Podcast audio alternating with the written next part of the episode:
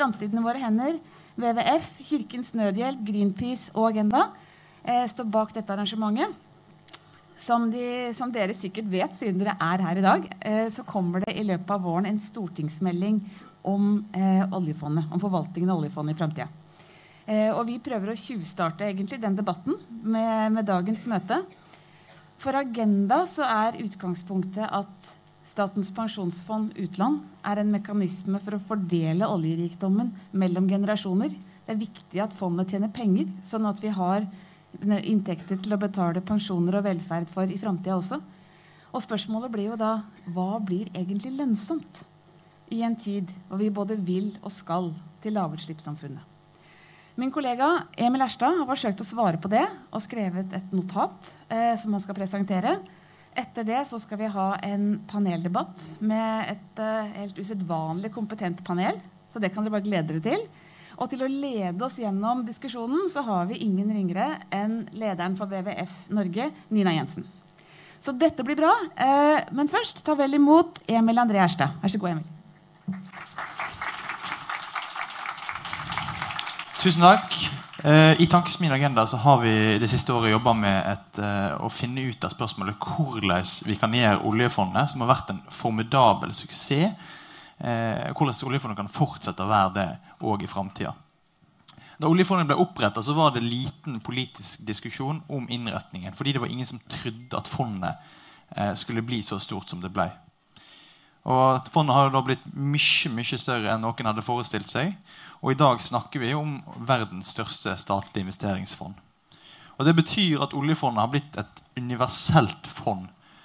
Eh, så, så stort at det påvirker det markedet det sjøl investerer i.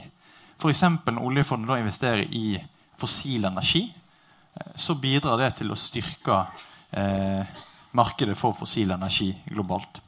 Denne mekanismen er jo mye sterkere for oljefondet enn for mindre fond og mindre investorer så har vi sett en formidabel vekst de siste tiårene i, i mange land. Eh, vi har sett eh, mange som har blitt løfta ut av fattigdom.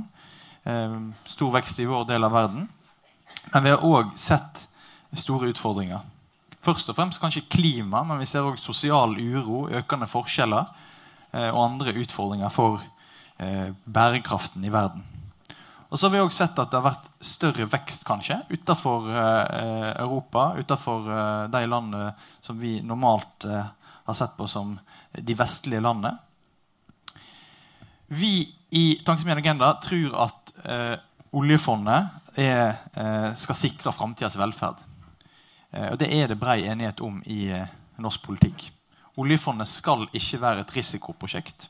Det skal være trygg økonomisk ballast for framtida og for velferdsstaten i framtida. Og da gjelder det å gjøre investeringer i rommet mellom moderat og lav risiko. Men fordi at oljefondet er så stort, eh, så vil det òg være gjenstand for at mange ulike interesser vil eh, komme med forslag til hvordan oljefondet kan brukes til deres fordel. Vi ser òg at bruken av oljepenger har økt i, direkte inn i statsbudsjettet. Det er bekymringsfullt. Det har vi ikke brukt så mye tid på å snakke om denne gangen. Eh, men vi har snakket mer om hvordan fondet gjennom hele sin historie har vært gjenstand for små endringer, men like fullt konstante endringer. Eh, vi har kalt det konservativ innovasjon. Eh, de sa at de etiske retningslinjene ville gå utover fondets avkastning. Så fikk vi de etiske retningslinjene, og det gikk veldig bra. De sa at det å selge seg ut av kull ville gå utover fondets avkastning så gjorde vi det, og det gikk veldig bra.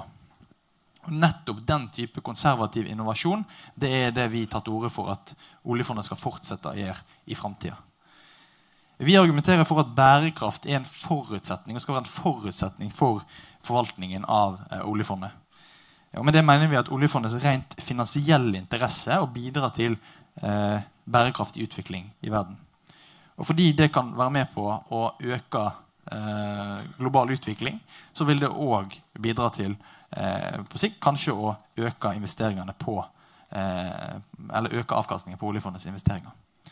Kort sagt så handler det om å se eh, behovene til menneskene som lever i dag, uten å ødelegge for framtidige generasjoner sine eh, muligheter til å dekke sine behov.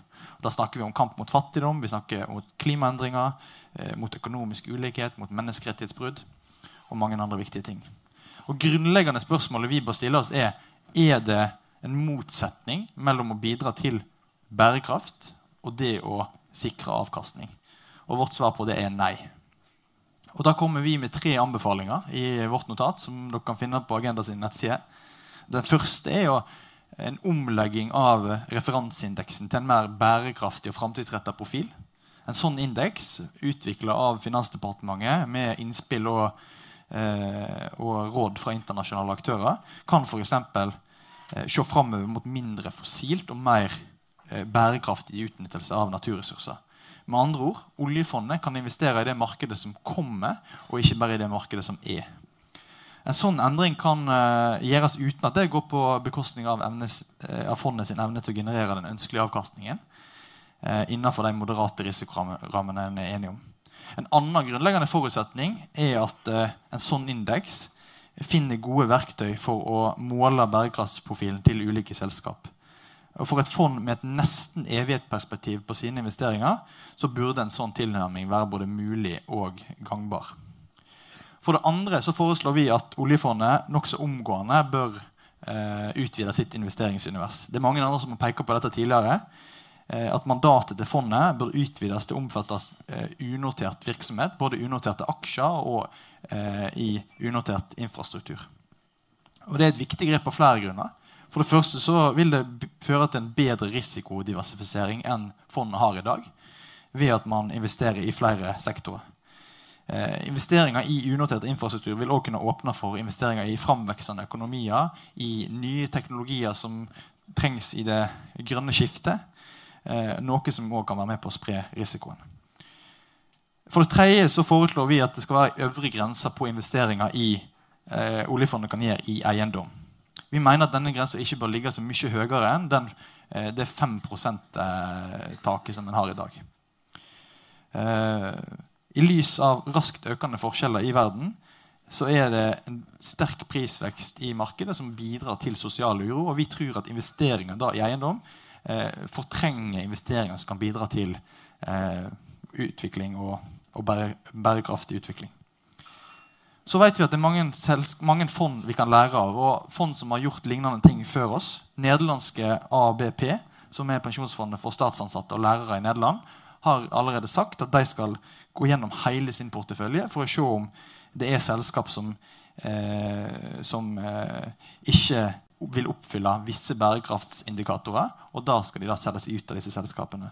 Og De har også sagt at 20% av deres, eh, nei, deres investeringer vil bli dobla eh, som, eh, som, bidrar til å løse sosiale problemer innen 2050. Så det er ikke noe eksperimentelt vi foreslår at oljefondet skal gjøre. Vi foreslår at oljefondet skal fortsette den konservative innovasjonen.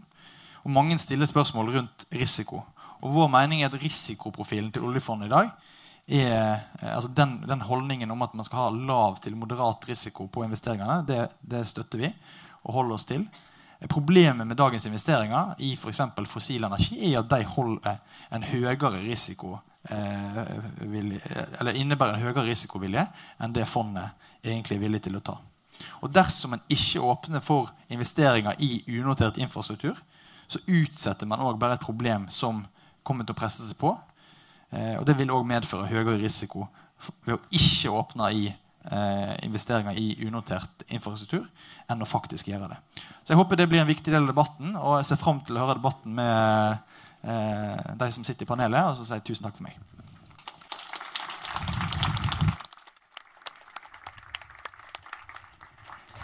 Tusen takk til deg, Emil, og ikke minst et veldig spennende notat som Agenda har eh, lagt fram i dag. Nå skal vi ha en eh, spennende debatt, men vi vil jo veldig gjerne at alle dere skal engasjere dere i debatten også.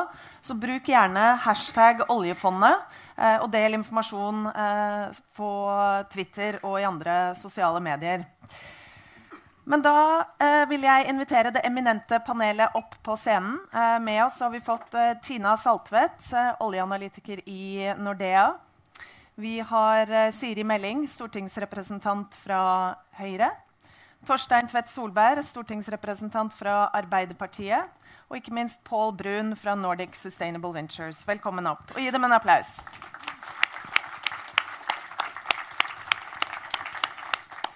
Og følg nøye med i løpet av debatten. Eh, og noter dere gjerne ned eh, et par spørsmål som dere har, for vi kommer til å sette av litt tid på slutten, sånn at alle kan få engasjere seg og stille spørsmål til eh, panelet. Men la oss først begynne med noen refleksjoner rundt markedet. og jeg tenkte vi skulle starte med deg, Tina. For det er mange som mener at det er jo ikke noe poeng å gå inn i dette markedet. Det er jo så lite. Hva er dine refleksjoner rundt det? Vel, det startet som lite, men det vi begynner å se nå, det er jo interessen for nettopp dette med grønne investeringer. Der har det skjedd enormt store endringer de siste par årene. Jeg vil si For to og et halvt år siden så var egentlig interessen for mye grønne investeringer. Da hadde du som regel et grønt mandat i fondet ditt. At du skulle ha et mer bærekraftig mandat eller en investering. Men det som har gjort den store endringen, det er jo nettopp at denne type investeringer er nå lønnsomme. Det er lønnsomme, Mange av de begynner å bli lønnsomme uten subsidier. Det er lønnsomme uten politiske tiltak. Og det er nettopp det investorer er ute etter. Hvor finner du, eh, hvor finner du profitten, og hvor finner du en økende profitt fremover?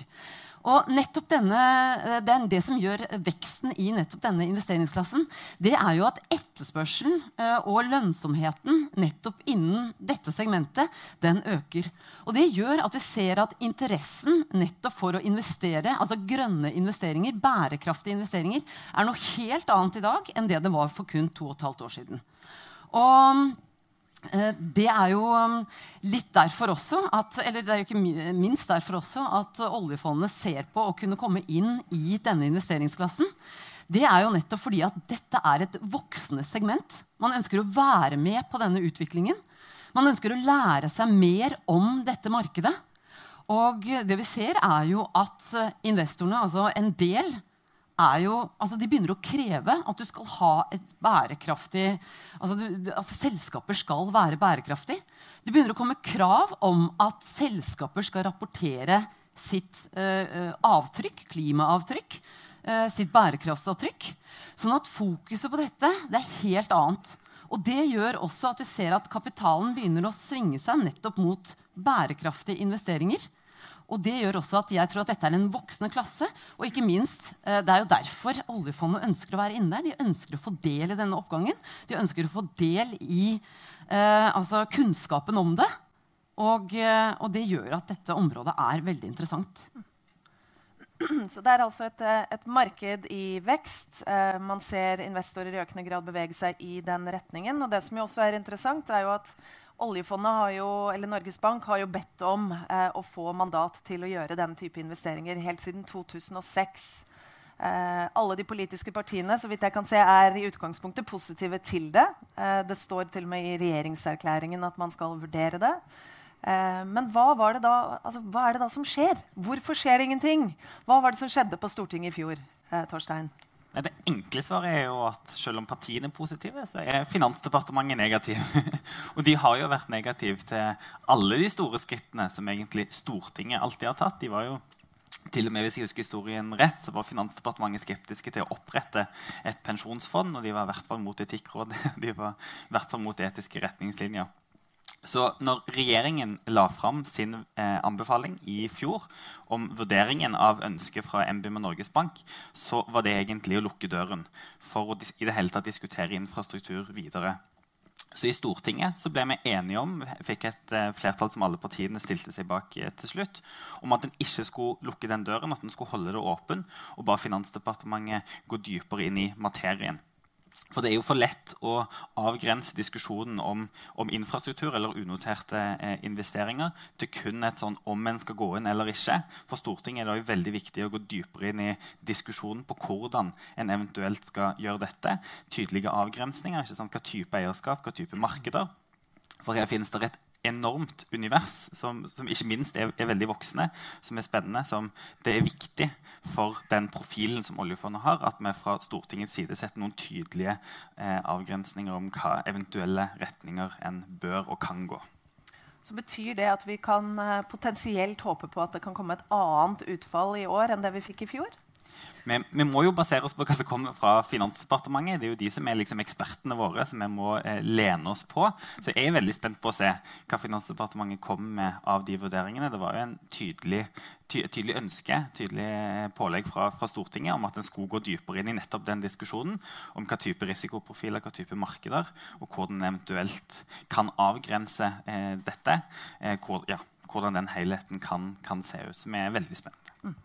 Siri Meling, Høyre har jo vært et av de partiene som kanskje har vært mest positive til det. Det er jo tydelig beskrevet i partiprogrammet, eh, og nå sitter dere jo i regjering og har alle muligheter for å åpne for det. Hva, hva er det som holder dere tilbake?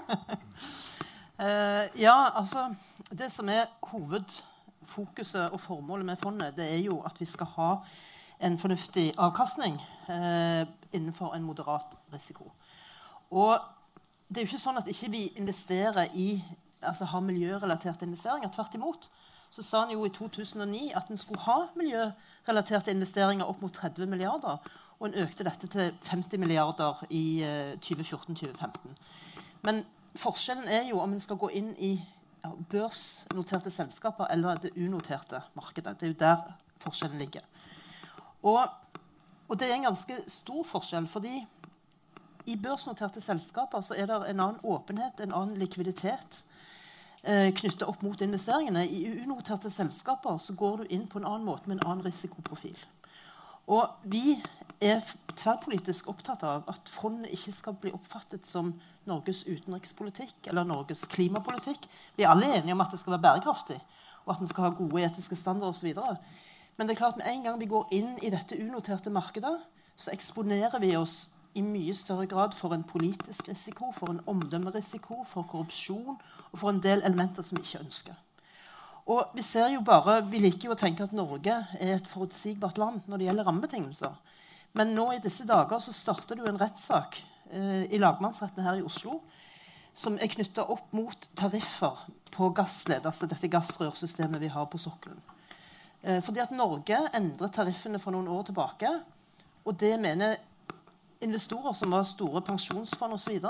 At, jeg håper at Norge ikke hadde eh, mulighet, eller at det ikke var riktig å gjøre det i henhold til det som på en måte lå som en forutsetning for deres investeringer.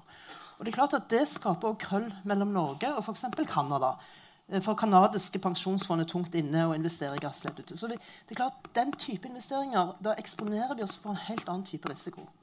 Så, så dermed så er spørsmålet ikke sånn veldig enkelt. Det er faktisk litt komplekst.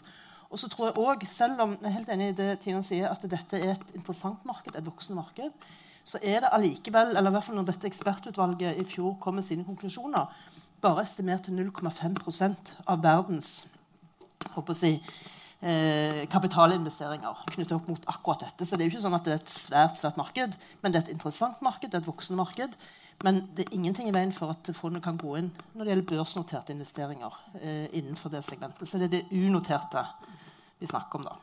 Dette og markedsstørrelse er jeg helt sikker på at Pål har lyst til å kommentere litt på. Men før vi går videre til dit, er det ikke også eh, altså For vi hører mye om at vi, vi, skal ikke drive politikk med oljefondet. Og, og eh, at det ofte er et av hovedargumentene.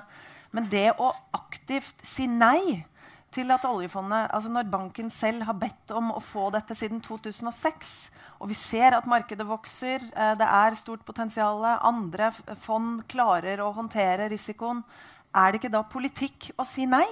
Det er jo et like aktivt valg som å si ja. Jo, det er politikk, men den politikken er vi jo tverrpolitisk enige om. Nemlig at oljefondet ikke skal være et utenrikspolitisk virkemiddel, skal heller ikke være et klimapolitisk virkemiddel. Det skal spre avkastningen sin innenfor en moderat risiko. Um, og da har politikken vært at en skal uh, ha investeringer som er likvide, investeringer som er transparente. Uh, det, det, er et helt annet marked vi snakker om med denne type investeringer. Og vi utsetter oss for en helt annen eksponering uh, knyttet opp mot disse investeringene politisk korrupsjon. Altså det vil kreve et helt annet apparat fra Norges Bank eller NBIM å følge opp den type investeringer. Det er vel nettopp derfor det kanskje begynner å haste litt, sånn at de faktisk får bygget seg opp eh, kompetansen. Men en kort kommentar fra, fra, deg, Torstein, og så Tina, før vi går over til Pål. Ja, jeg mener Det hadde vært uansvarlig om Stortinget hadde åpna bredt for infrastrukturinvesteringer i 2016. For den, den, beslutningen var ikke moden da i det hele tatt. For har vi i Arbeiderpartiet vært veldig opptatt av noe av det som Siri er inne på. Vi er jo også ikke bare opptatt av avkastningen for fondet, men òg at det skal være åpenhet knytta til investeringene våre. Og vi mener også at vi må få på, på, plass et bedre tilsyn av det arbeidet som gjøres. Når du skal gå inn i unoterte, så som Siri sier, så går en utenfor aksjemarkedet. Det er en helt, helt, andre krav til offentlighet rundt den type investeringer. Hva det, hva det betyr, hvordan de selskapene opererer. Og de standardene vi har satt for fondet, på at det skal være åpent, at en skal ha, om en er NGO-er eller bare norsk, norsk borger, så skal en vite mye om hva oljefondet er investert i. Det må òg på plass for en hele tatt skal gjøre dette. Og nå gjøres det heldigvis et grundig arbeid av tidligere sentralbanksjef Gjedrem, som skal se på sentralbankloven. Og vi mener vi må få på plass et bedre sånn tilsyn, sånn at en nettopp kan påse at de eh, retningslinjene og de kriteriene som er setter fra Stortinget, òg blir fulgt opp. Så vi kanskje sånn enspora bli opptatt av avkastningen, men òg være opptatt av å holde åpenhetsfanen høyt, tilsynsfanen høyt. For det tror jeg òg er viktig for legitimiteten for fondet. Tina. Jeg synes Det er litt artig, for det er jo politikerne som jeg oppfatter det, som gjør fondet politisk. Det er jo fagpersonene og, og, det er jo akademikerne som ønsker å gå inn i denne investeringsklassen. Og de gjør det fordi de ikke er politiske. De gjør det fordi det er et interessant av, eh, rett og slett et avkastningsmessig perspektiv på det. Så det er jo politikerne som nå gjør dette fondet politisk. Så ønsket om å gå inn der er jo nettopp fordi at man ser en voksende, altså en økende mulighet nettopp i denne investeringsklassen. Og litt av grunnen er jo nettopp at vanligvis, altså når man ønsker å spre risikoen sin, så ønsker man å se på ulike investeringsklasser med ulike profiler altså som beveger seg i utakt. Og det er nettopp det med, eh, med unotert infrastruktur. Det beveger seg ikke i, i, eh, i, samsvar med en del av de andre eh, aktiva-klassene vi investerer i. Og det er nettopp derfor det er interessant, fordi man ønsker å spre risikoen. Så jeg synes jo ja, altså Når fagpersonene og de som sitter og jobber med dette, eh, ønsker å gå inn i det, så er det jo politikerne nå som gjør det politisk. Vil det ikke da også være en, en reell risiko ved å ikke gå inn i dette markedet? Ja, ja, jeg vet ikke om du har lyst til å Pål, du kan gjerne få svare på det. Um, Eh, jo, det, det, mener jeg absolutt. Eh, bare først takk til eh, Agenda for invitasjonen eh, og for eh, godt notat. Jeg tror det er viktig å sette denne eh, diskusjonen på agendaen. Dette er jo på en måte noe av det viktigste norske politikere behandler. Altså hvordan investeringsstrategien til verdens største investeringsfond skal være. Jeg er jo enig i veldig mye av det som ble sagt fra, fra Tina når det gjelder markedet.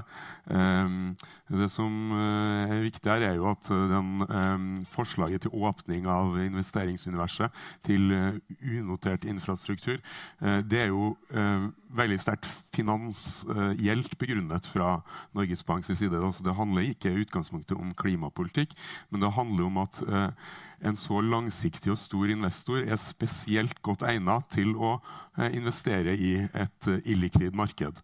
Um, det er jo litt spesielt at uh, oljefondet, som har den langsiktige investeringshorisonten, eh, i dag har plassert da, 95 av sin, sine aktiva i, i, veldig likvide markeder, altså markeder hvor du da i prinsippet kan selge deg i morgen. det finnes jo ingen fond i verden som er bedre egnet til å holde eh, illikvide eh, aktiva enn det oljefondet har. fordi oljefondet har jo ingen løpende eh, pensjonsforpliktelser som de må, eh, må forfølge. Så det er veldig eh, liten sannsynlighet for at oljefondet noen gang vil komme i en situasjon hvor de blir tvunget til å selge seg ut av disse illikvide eh, eiendelene på et uheldig tidspunkt. og det andre finansielt begrunnede Grunnen for å gå inn i de aktive klassene er jo det som Tina legger vekt på i forhold til diversifisering av risiko. Uh, og jeg synes også det er bra det uh, Agenda legger vekt på, at dette er markeder i vekst. Uh, det ble påpekt her fra, fra Høyres side at det utgjør bare 0,5% av det samlede investeringsuniverset. Men det er jo en veldig statisk måte å se verden på. Altså, vi vet jo fra New Climate Economy-rapporten at behovet for infrastrukturinvesteringer er 9 billioner dollar. Altså trillions på engelsk. Altså ikke, ikke billion på, billioner på norsk. Eh, og det samlede markedet eh, for infrastrukturinvesteringer i dag er på 20 eh, eh, billioner dollar. Eh, så det, dette er et marked i veldig sterk vekst. Eh, og et marked som vil være godt egnet for eh, Norges Bank eh, å gå inn i. og det mener også Norges Bank. Det er gitt, det gitt et tydelig råd for, om det tre ganger. 2006, 2010, 2015. I tillegg ble det satt ned et faglig utvalg som ga råd om at dette bør skje. så det, det som har skjedd her, er jo egentlig at politikerne da har overprøvd entydige faglige råd. Det er det som er situasjonen. Er ikke dette da litt, uh, litt merkelig politisk styring nettopp av, uh, av, et sånt type fond? Gitt at altså, markedet høres ut til å være i en enormt spennende utvikling. Og hvis man skal ha en ansvarlig forvaltning av fondet, så må man jo sørge for at de har nødvendig forvaltningskompetanse og får bygget seg opp over tid. Vil det ikke da være en reell risiko for at man går glipp av disse mulighetene ved at dere som politikere faktisk politisk styrer det ved å holde det tilbake? Torstein? Jo, helt klart så er det det, men jeg er uenig i premisset om at Stortinget har unngått å lytte til de faglige rådene. Jeg skal huske hvordan det norske systemet er bygd opp. Våre råd kom fra Finansdepartementet. Finansdepartementet anbefalte å ikke gå inn, at igjen lukke døra helt til diskusjonen om infrastruktur. Stortinget var opptatt av, på samme måte som, eh, som Saltveit og og ekspertene her at en må fortsette denne diskusjonen fordi det er interessant og viktig. Men jeg er glad for, og det tror jeg også det norske folk er glad for, men i hvert fall bør være glad for, at Stortinget og politikerne ikke er sånn trigger-happy, sånn som en del eh, forvaltere kanskje har lyst til å være. Vi skal svare til det norske folk. Vi skal ikke kun svare på avkastning. Vi skal ikke kun svare på en akademisk rapport og på en måte er ferdig, ferdig levert når en har gjort noen, noen faglige vurderinger. Så den beslutningen som Stortinget gjør, har, altså Styrken til fondet som det er nå, har jo vært at Stortinget har tatt solide beslutninger og skynda seg forsiktig når vi har gjort det. Men vi har jo i verdenssammenheng med utgangspunkt at det er et demokratisk åpent fond. Det er ikke et, det er ikke et lukka styrerom som sitter og gjør dette. Det er nasjonalforsamlingen vår som sitter og har disse dis diskusjonene. som gjør det mer komplisert. Men på tross av det, at det er nasjonalforsamlingen som gjør det, så har vi tatt modige valg hele veien eh, opp igjennom. Og jeg er sikker på at vi kommer til å komme til å ta et, eh, et spennende valg òg når, når, det gjelder dette. Men det er flere ting som må på plass. Vi må ta flere hensyn enn et styre i et helt annet, eh, f.eks. Et, et vanlig investeringsselskap som kun måles på avkastning. Siri, Deler du disse refleksjonene? Hva er det som faktisk må på plass? Hva er det dere føler at dere trenger? Ja, altså, for det første så er det helt riktig det Torstein sier, at måten vi forvalter dette fondet på, er ved en veldig sånn gradvis, veldig kunnskapsbasert og forsiktig tilnærming til alle endringer. Og det er, som eh, innledningen viser, altså det er jo et utrolig stort fond. Det er store verdier det er snakk om for våre barn, for våre barnebarn. Og da er det viktig at vi gjør gode beslutninger og riktige beslutninger, og at vi gjør det i et tempo som vi er komfortable med, at vi er trygge på det vi gjør. Og så skal vi være framoverlente i forhold til dette med bærekraft, i forhold til etikk osv. Og, så og stille en del krav til de selskapene vi investerer i. Og der er jo òg oljefondet eh, går foran. Statoil bl.a. kikker veldig til hva oljefondet gjør i måten de agerer. Andre selskaper gjør det samme. Så det legges merke til hva som, som skjer, eh, og måten vi forvalter oljefondet. Og så er det forskjell på å ha en akademisk, ren investortilnærming og en politisk tilnærming. Eh, vi møter, Når vi er ute og møter andre, andre land, eh, så, så de vet at vi har et oljefond. De ønsker at vi skal investere i disse landene. Det er et press hele veien i forhold til ønsker om investeringer. Og det er klart at det, Hvis vi på en måte beveger oss i en retning hvor vi åpner mer for at vi faktisk kan drive en del utenrikspolitikk, bistandspolitikk, klimapolitikk eh, I måten vi forvalter fondet politisk, så er det en mer krevende situasjon enn det prinsipielle i at vi, vi går i børsnoterte aksjer. Eh, for da er det på en måte et prinsipp, og vi kan eh, på en måte avvise eh, politisk alle disse ønskene som kommer blant våre samarbeidspartnere. For de er der hele veien.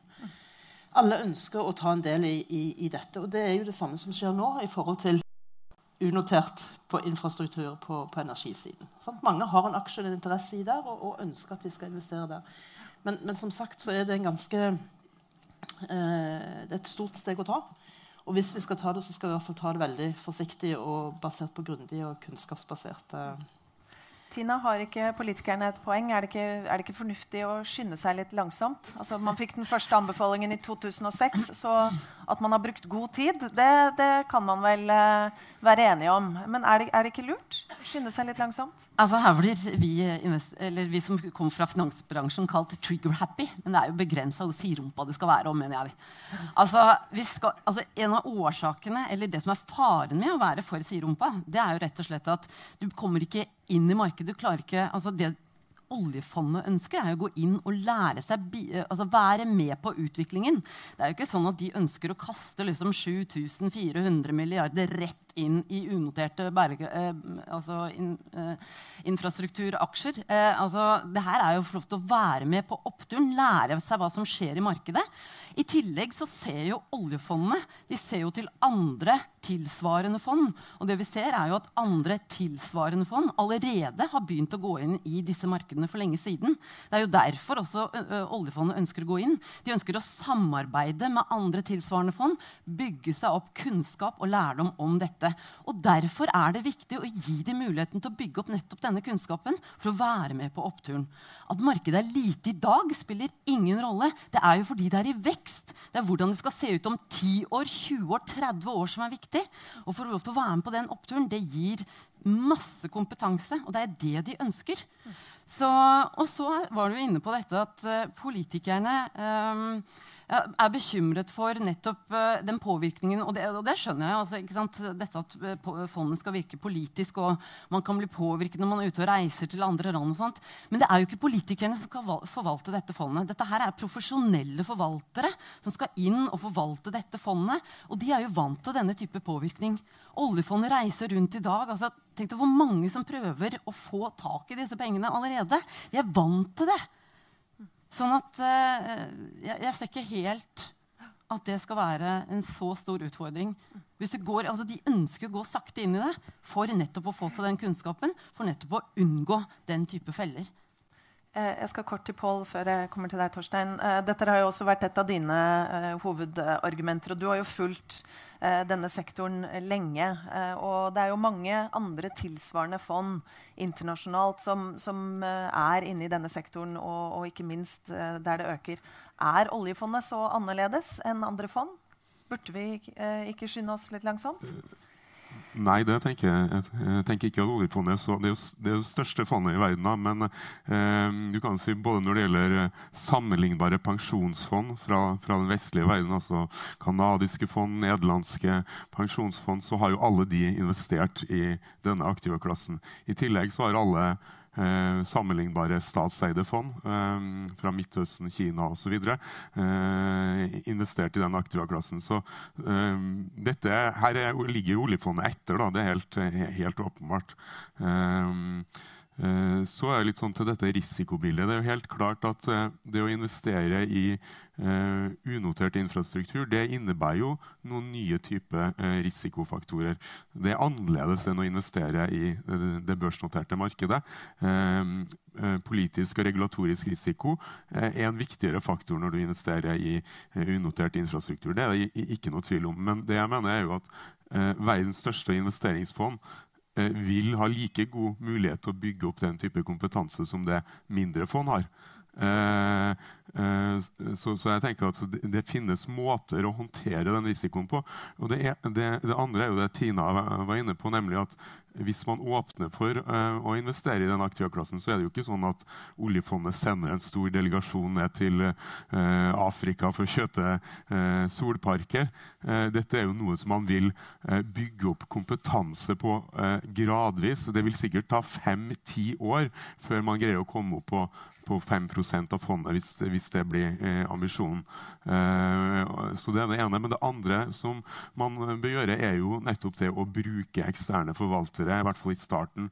Eh, se hva andre tilsvarende fond har gjort når de har gått inn i den sektoren. Eh, det er typisk da at man tar det i tre steg. Man, først så eh, bruker man eh, eksterne forvaltere som har investert i den sektoren unotert infrastruktur i kanskje flere tiår. Eh, man tar, tilegner seg kunnskap da, gjennom den, eh, den relasjonen man får til eksterne forvaltere. Neste steget er å gjøre eh, såkalte medinvesteringer sammen med eh, de eksterne forvalterne. Og så det tredje steget er å gjøre direkteinvesteringer selv. Det er den typiske måten eh, store pensjonsfond går, går fram på.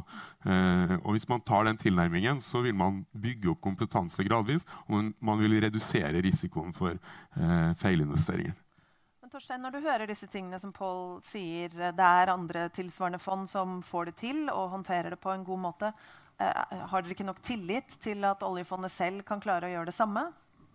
Jo, vi har, veldig stor tillit til forvaltningen. og Det er nettopp derfor de prinsippene for styringen av fondet er så viktige. At det Stortinget gjør, er de overordna retningslinjene, og at det er MBIM som gjør, tar seg av forvaltningen. Men jeg mener, altså, Det er jo viktig å ha en redelighet også, i hva fremdrifta har vært. Altså, du sier 2006, og da kom de første anbefalingene. og Det resulterte jo helt reelt at en åpna for unotert infrastruktur, men det var eiendom.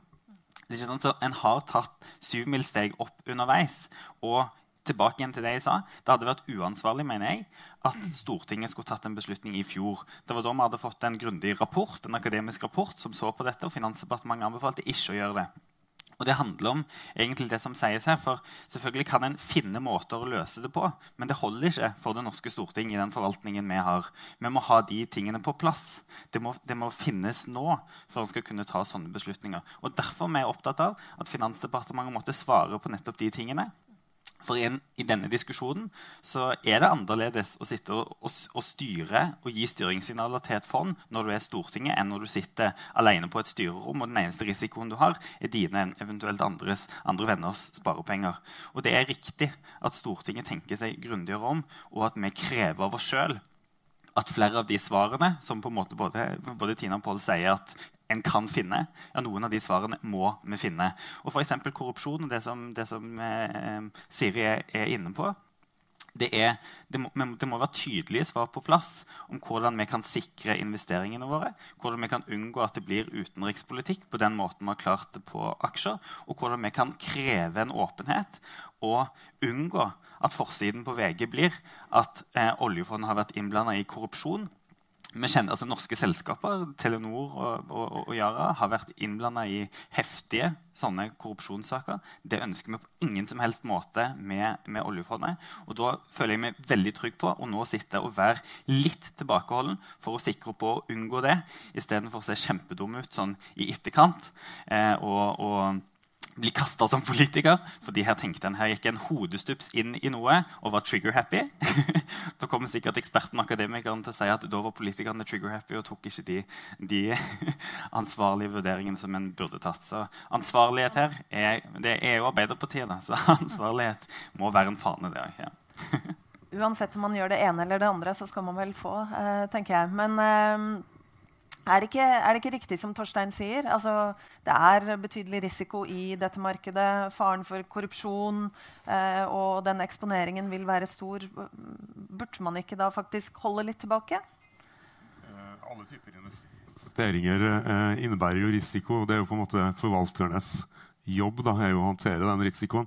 Uh, så kan du si at infrastruktur medfører jo annen type risiko enn en, en børsnoterte aksjer. Men det er klart at eh, det som er særpreger infrastruktur, er jo nettopp at du investerer i eh, fysiske aktiva som har en veldig viktig plass i samfunnet, som er viktig for samfunnets eh, funksjonsevne, og som har lange, stabile inntektsstrømmer. så sånn sett så er det jo en del risiko som er mer begrenset da, med, ved investeringer i, i, i unotert i, infrastruktur også. Markedsrisiko for eksempel, er jo mer, mye, mye, større hvis man investerer i, det børsnoterte eh, markedet. Eh, Så det handler jo om å ha kompetanse på å håndtere den risikoen. Eh, og da er det kanskje det spesielle er politisk og regulatorisk risiko. Eh, det Måten man håndterer det på, er jo for det første at man gjør en veldig grundig evaluering før man investerer. Det er litt forskjell når man investerer i det unoterte markedet kontra det børsnoterte markedet. Da gjør man en grundig eh, evaluering, eh, due diligence, av selskapet eller prosjektet man investerer i. Det andre måten å håndtere risiko på er jo å, å diversifisere. Man investerer i forskjellige land, i forskjellige sektorer innenfor for eh, infrastruktursegmentet, altså energi, telekom, vannforsyning, eh, transportinfrastruktur, som har forskjellige regulatoriske rammeverk. Forhåpentligvis blir ikke alle endret eh, negativt på samme tidspunkt. Og det tredje man gjør, er jo etter at man har investert, eh, så har man en aktiv oppfølging eh, av um, eh, de risikofaktorene som er knytta til, til, til, til, regulering. Og er bevisst da på, på stakeholder-situasjonen. Og hva, hva, de viktigste stakeholderne mener om de reguleringene som er viktige for det, for det, det man har investert i. Nå skal vi straks uh, åpne for uh, spørsmål, så, så, ha spørsmålene klar. Men, uh, men Siri, helt avslutningsvis. jeg vet at dere har vært veldig opptatt av dette aspektet med risiko. og Pål beskriver jo her en rekke ulike skritt som faktisk kan tas for å, for å håndtere den risikoen. tror du det er mulig i løpet av nærmeste framtid at, at, man faktisk kommer til et sted hvor um, politikerne føler seg trygge på at denne risikoen klarer vi å håndtere? Eh, ja, altså det er jo ikke umulig. Eh, og det som eh, vi har bedt eh, Finansdepartementet komme tilbake til Stortinget med, er jo å, å prøve å ramme inn eh, denne risikoen. Altså se på måter en, en kan begrense risikoen på.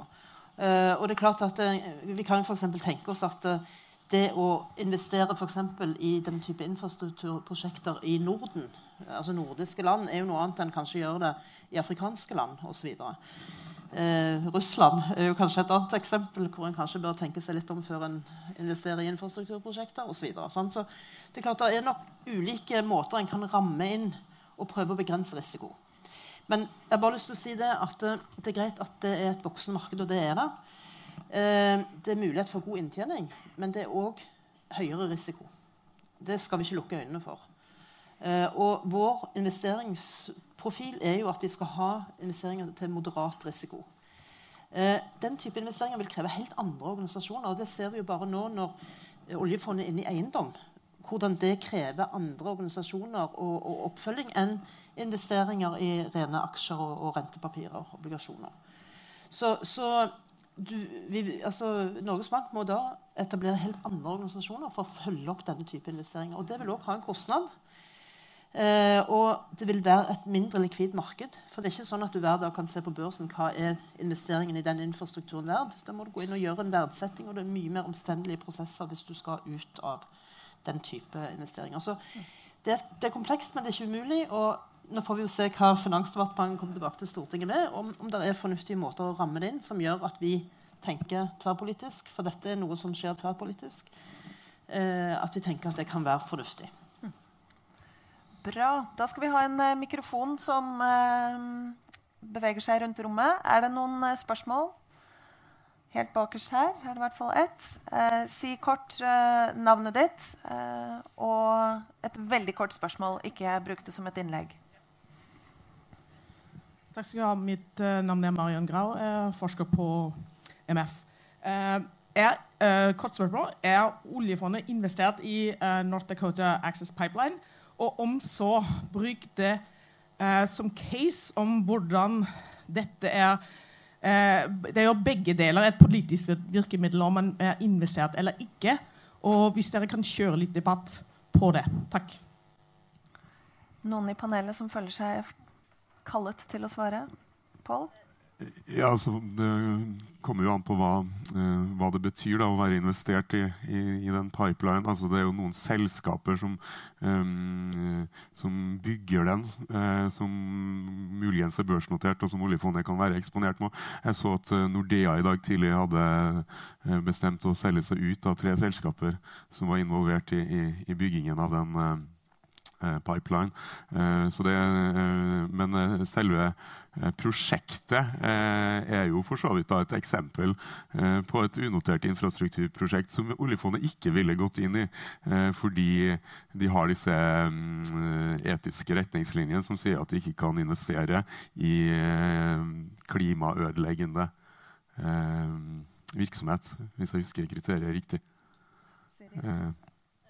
Eh. Ja, altså Det er jo riktig at eh, klima er blant de fokusområdene. Eh, og det er jo òg urfolks rettigheter er jo òg eh, høyt på agendaen. Så eh, jeg kjenner ikke heller til om oljefondet har interesser i noen av de selskapene bak som eventuelt er inne der. Det, det tør jeg ikke si. Men eh,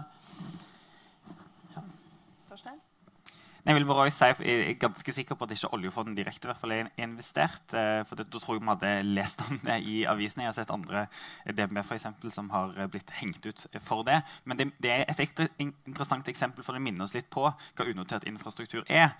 Og når Slyngstad og MBIM ønsker seg inn i infrastruktur, så peker jo de på f.eks. investeringer i flyplasser og i motorveier, som jo er noe litt annet enn det WWF egentlig mener eller liksom snakker om når en òg snakker om, om, om, infrastruktur. Så jeg synes det, det, er viktig å huske på eh, bredden i hva dette er. og nettopp Derfor er det så viktig å sette den rammen tydelig på hva, hva det, det, norske mandatet på en måte skal være.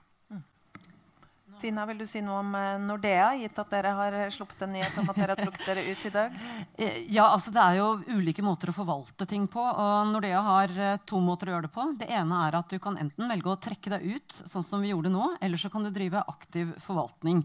Og Hvis du driver da en aktiv forvaltning, så vil du typisk eh, Man kunne istedenfor å trekke seg ut eh, valgt å heller gå inn i selskapet og legge press på selskapet til, altså, for å kreve en forbedring eller en endring i selskapets eh, virkemåte. Så det er ulike måter å forvalte på. Men i, den, i denne omgangen så, så, valgte vi å trekke oss ut, for vi, vi så da ikke potensialet til at det var mulighet til å påvirke selskapet i riktig retning. Men tilsvarende så fikk vi jo i går eh, eller, nye nyheter om Statoils tall og hvor mye de har tapt på investeringer bl.a. i tjæresand eh, i Canada. Men Nordea mener jeg ifølge en ny rapport fra Framtiden i våre hender er ganske tungt investert i tjæresand eh, og skifergass. Stemmer det? De er ikke investert i ikke noen direkteinvesteringer. Eh, de er investert i selskaper som har investert i nettopp oljesand. Og da er det om man kan drive aktiv forvaltning, som vi gjør. Vi har vært over, altså vi har jo en egen bærekraftsavdeling som har vært over der mange ganger for å påvirke disse selskapene som jobber, altså de oljeselskapene som da har eiendeler i nettopp uh, oljesanden, for at de skal forbedre sin atferd. Uh, for kan, altså Man kan velge enten å trekke seg helt ut, men, og det er en mer passiv forvaltning, eller man kan gå aktivt inn og prøve å påvirke da, hvordan de selskapene opererer i de områdene. Så det er to forskjellige måter å gjøre det på. Og begge ønsker man, altså Effekten ønsker man skal bli det samme. Nettopp at man får en mye mer bærekraftig, langsiktig utvikling. Bra. Eh, spørsmål på midten der. Det var vel Arild Hermstad, tror jeg. Ja, tusen takk. Det er um, Arild Hermstad fra De Grønne. Nå er det vel sånn at uh, vi er enige om at uh, det er, kommer til å ta tid. Siri Meling sier det ganske greit at de må få lov å bygge opp denne kompetansen. Uh, man må lage en egen struktur. Alt dette høres ut som et argument for at det er på tide at politikerne åpner opp og sier ja, sånn at man kan begynne denne investeringen. Og er det, det, er egentlig et spørsmål om dere kan love å gå inn for det, nesten uavhengig av hva dette konservative Finansdepartementet måtte mene om saken når de kommer med sin innstilling. Det var en tydelig utfordring til politikerne våre. Siri? Ja, jeg, jeg, kan i hvert fall ikke love det. Eh, det kan ikke fordi at eh, dette oljefondet som vi sier, er så viktig for våre barn, våre barnebarn, og kanskje flere generasjoner, sannsynligvis, at eh, det å, å, ta det steget over i den type unoterte investeringer kommer vi til å tenke oss om flere ganger. Så, så jeg kan ikke garantere at svaret blir ja fra, fra vårt ståsted. Det kan jeg ikke. Men, eh, men, utgangspunktet vårt er jo egentlig en positiv innfallsvinkel til å vurdere det.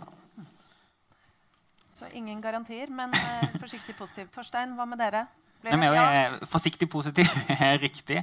Forsiktig positiv, langsiktig ansvarlig. Og vi skal, vi skal, love å se på det. for Det er jo derfor vi prester på for å få til de, de vurderingene nå. Men altså, sånn, at dette innlegget kommer fra De grønne, er jo òg tegnende for hvordan, hvordan, det er politisk er komplisert. Og vi trenger å rydde i den politiske diskusjonen. For De grønne ønsker at å åpne for unoterte skal bety investeringer i vindmølleparker. KrF har som fanesak at når vi skal åpne for unoterte, så må man gjøre dette i utviklingsland. Mens anbefalingene fra fondet ser helt annerledes ut. Så Det er jo derfor Stortinget har bedt Finansdepartementet rydde opp i hvordan, hvordan en kan ramme inn dette på en, på en smartere måte. Og hvis, og hvis, de svarene på en måte nå ligger, så tror jeg dette kommer til å bli en veldig interessant diskusjon for Stortinget. Men dette må handle både om det geografiske, det må handle om risikoen, det må handle om ja, hva type infrastruktur det er snakk om, og ikke minst det vi allerede har snakket om, det med åpenhet og det at en har en god tilsynsstruktur for, for dette. Så vi, var, vi, vil ikke være trigger-happy, vi vil være forsiktige og ansvarlige. Høres ut som vi går en spennende vår i møte. Flere spørsmål? Vi tar noen også over eh, på denne siden. Eh, fjerde rad. Karl Øktum fra DNB kapitalforvaltning. Eh, dette med dialog kontra å ikke være investert. Noen syns det er ganske feigt å bare trekke seg ut. Eh, vi syns jo dialog er viktig. Som i nye rapporten fra Fremtiden. Ja, det er oljesand i mange store oljeselskaper. Ja, det er shale oil der. Hense Maurits produserer i Asia. Selvfølgelig er det krevende å produsere Eh, klær i lavkostland. Så det er noe galt med de fleste store selskaper. Er det ikke veldig viktig å være inne og påvirke positivt? Er det ikke litt feigt å bare løpe unna? Og hvordan skal det integreres i tanken her? Siri? Ja, altså, jeg opplever jo at forvaltningen av oljefondet gjør nettopp det. At de legger stor vekt på eierdialog med selskaper uh, som vi har investert i. Uh, og det er jo hører jo til sjeldenheten at en trekker seg ut av selskaper. Men det er jo da som regel siste utvei etter at en har prøvd å påvirke og føre en, en dialog med selskapet. Torstein, kort kommentar. Nei, jeg er veldig stolt av den helhetlige verktøykassen vi nå har fått på plass. Det har vært enorme skritt de siste tre årene. For når nå, når det, det, verktøyet fondet nå har, er altså Pål var inne på det atferdsbaserte kriteriet, der en skal spesielt se på og undersøke klimaskadelig atferd. Vi har sagt at kull er på en måte en, sånn, en, en, gruppe selskaper vi ikke vil være i det hele tatt. Og det handler mer om at du ikke kan, jeg tror ikke du kan påvirke kullselskaper til å slutte å jobbe med kull. Sånn, så derfor så med det, og I tillegg så har vi miljømandatene som handler om positive investeringer innenfor det samme. Og så har en Etikkrådet og det liksom grundige arbeidet. Samtidig som, som fondet òg jobber med internasjonale retningslinjer og, og, og standarder. Sånn som f.eks. han gjorde på vannforvaltning, på barns eh, barnearbeid. Eh, så, så, nå syns jeg vi har en rigg for fondet som ikke kun handler om å eie eller ikke, men som handler om en helhetlig verktøykasse. Og den må vi fortsette å utvikle. Men det utgangspunktet vi har nå, er helt unikt. Jeg tror til og med MBM er bedre enn DNB på det. Pål, kort kommentar. Eh, jeg er helt enig. Det er veldig mye bra med oljefondet. Eh, og den utviklingen som har skjedd da, siden det ble opprettet i 1996, eh, ved at man har fått på plass disse etiske retningslinjene. Man har tatt måte steg for steg. Det som er litt interessant, er jo at alle de stegene har jo vært politisk initiert til motstand, med, med motstand fra Finansdepartementets embetsverk. Så jeg vil jo oppfordre politikerne til å, til å se til alle de suksessene man har fått til tidligere, og også denne gangen eh, ikke bare høre på Finansdepartementets embetsverk. For hvis man hadde hørt på de, så hadde man ikke hatt noe oljefond. For de var mot å opprette oljefondet fra, fra starten av. Så ikke alltid så lurt til å lytte til uh, olje, uh, Finansdepartementet eller kanskje finansministeren. Uh, vær så god, Jon.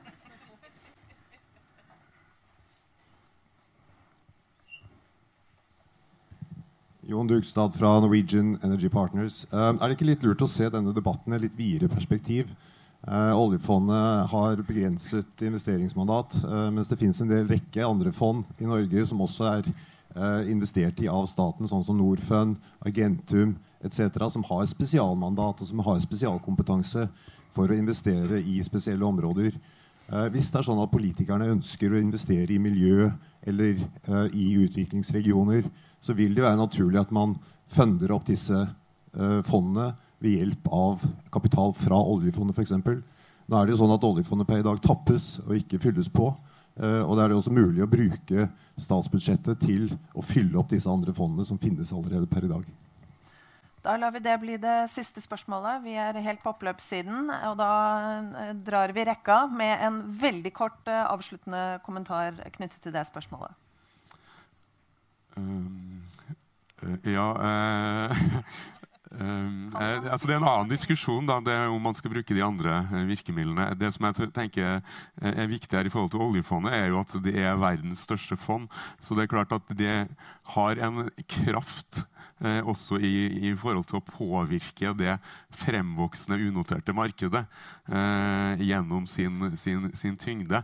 Eh, og jeg tenker også at det fra en sånn eh, finansielt ståsted, da, med, som er formålet til oljefondet, eh, så er det viktig at man eh, går inn i de markedene som er i vekst. fordi man, vi er alle avhengig av, av den avkastningen som oljefondet skal levere. Og hvis man bare er i børsnoterte, modne selskaper, ikke går inn i, i, de nye selskapene i en periode hvor du har veldig store teknologiske endringer, så er det en ganske stor eh, risiko også forbundet med det.